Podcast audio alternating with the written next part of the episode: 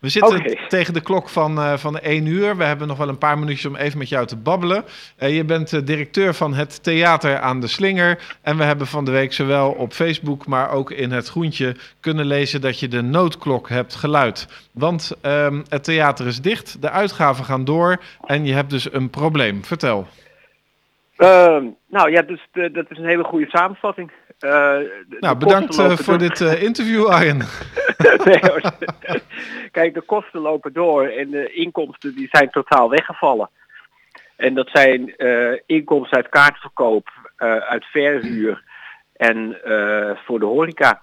En dat is, dat is een groot probleem. En wat ik heel naar vind om te merken is dat je dat in de slipstream, juist in deze tijd, dat wij heel veel amateurvoorstellingen hebben van dansscholen, muziekscholen, et cetera. Ja, die neem je een beetje mee in de slipstream. Dat, de, uh, en dat is uh, ja, heel, heel naar. Dat, Want, dat laatste snap ik niet helemaal. Hoe bedoel je nou, dat? Nou, kijk, het is, het, het, is moeilijk om tegen hun te zeggen van, ja, bijvoorbeeld in juni van, ja, de, uh, misschien gaat het wel door. Dus als je nu annuleert, en dat doen een heleboel, omdat ze geen tijd hebben om hun voorstellingen voor te bereiden, dan zou het formeel de, de helft van de huur moeten betalen. Ah, Nou, en als ik ze dat zou vragen of zeggen van dat moet je betalen, dan zijn het clubs die dan gewoon uh, omvallen. Ja. Dus dat is uh, een vreselijk dilemma. Uh, en het is voor ons natuurlijk ook heel moeilijk om alles, alle schade op te vangen. Ja, nou heb jij over het algemeen goede lijnen met het gemeentehuis. En daar was gisteravond een geheim onderwerp. Ging dat over het theater?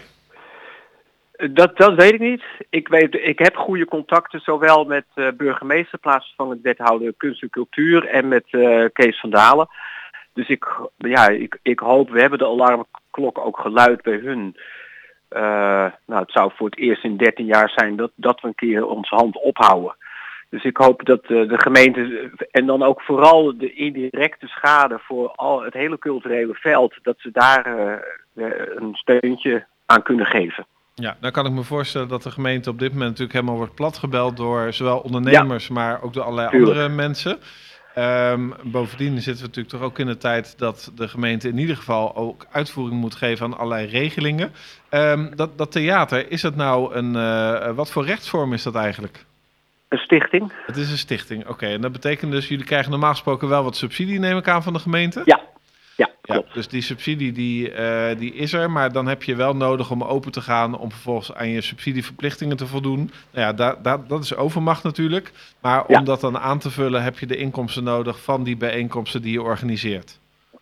Ja, dan komt het op neer. Ja, als ik, als ik nou even een beetje, beetje ja. uh, simpel denk, dan denk ik van ja, maar de gemeente zal toch het theater niet laten vallen op het moment dat daar al zoveel in geïnvesteerd is? Uh, nee, dat geloof ik ook niet. Maar ik, ik, ik neem mijn, tijd. Ik, uh, gelukkig hebben wij niet een, een heel kort, korte termijn liquiditeitsprobleem. Dus ik geef ook gewoon ieder, ja, ik ga ook niet lopen zeuren.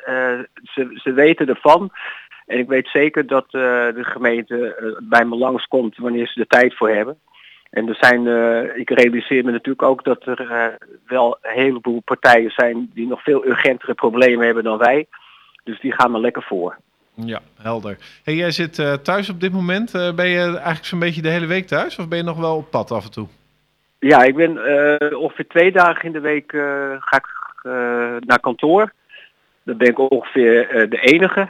Maar het is ook om gewoon even te kijken hoe het in het gebouw gaat. Want we, eh, we doen al het groot onderhoud wat we eigenlijk van de zomer zouden doen, doen we dit jaar. Of die doen we eigenlijk in deze periode. Dat spaart natuurlijk gewoon uh, geld uit. Want de twee technici die vast in dienst zijn, die zijn gewoon de hele dag aan het klusten.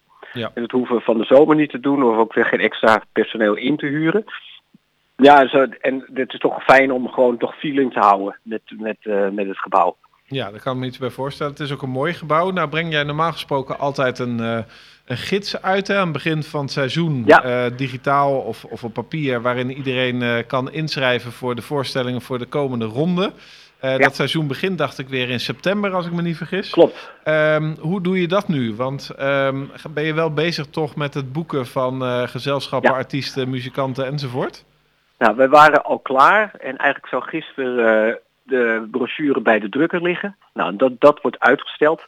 Je moet je voorstellen dat er duizenden voorstellingen niet doorgaan, landelijk. Die moeten allemaal verplaatst worden, geschoven worden. Kunnen artiesten wel? Is er plekje in, de, in, in het theater? Dus het is een enorme operatie nu aan de gang betekent ook dat voorstellingen die ze van plan waren te maken, producenten, dat die misschien ook niet door kunnen gaan, omdat ze geen geld hebben om die, in die nieuwe voorstellingen te investeren. Ja. Dus het hele programma wat we hadden staan, ja, daar zullen ook veranderingen in komen. En we hopen dat we dat uh, nou, eind mei, begin juni, dat we daar toch een klap op kunnen geven. En dan gaan we in ieder geval digitaal uh, starten met de verkoop. En ik denk dat we de brochure dan uitbrengen als een meer soort magazine over onze organisatie als geheel. En dat we die dan in september uitbrengen. Ja, dat nou- is een beetje het voorlopige plan. Maar ja, dat kan morgen weer anders zijn. Hè?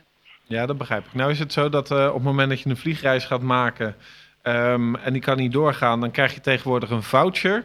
Is het ook zo dat als de voorstelling bij de slinger niet doorgaat, dat je dan een slinger voucher krijgt? Ja, er komt morgen een, uh, een persbericht en er is een voucherregeling bedacht, landelijk. En die wordt morgen gepubliceerd. Ja, nou, dat uh, klinkt in ieder geval goed. Uh, en met die voucher kun je dan op een later moment alsnog een voorstelling uh, gaan ja. bezoeken. Um, ja. denk ik nou een beetje heel negatief als ik denk dat al die voorstellingen en al die andere bedrijven die vouchers uitgeven, dat die straks toch wel een beetje de prijzen gaan verhogen om deze periode op te vangen? Nou, daar heb ik nog geen moment aan gedacht. En sowieso prijzen verhoog je nooit alleen. Dat doe je altijd in in overleg met de, met de producent of de artiest. Mhm.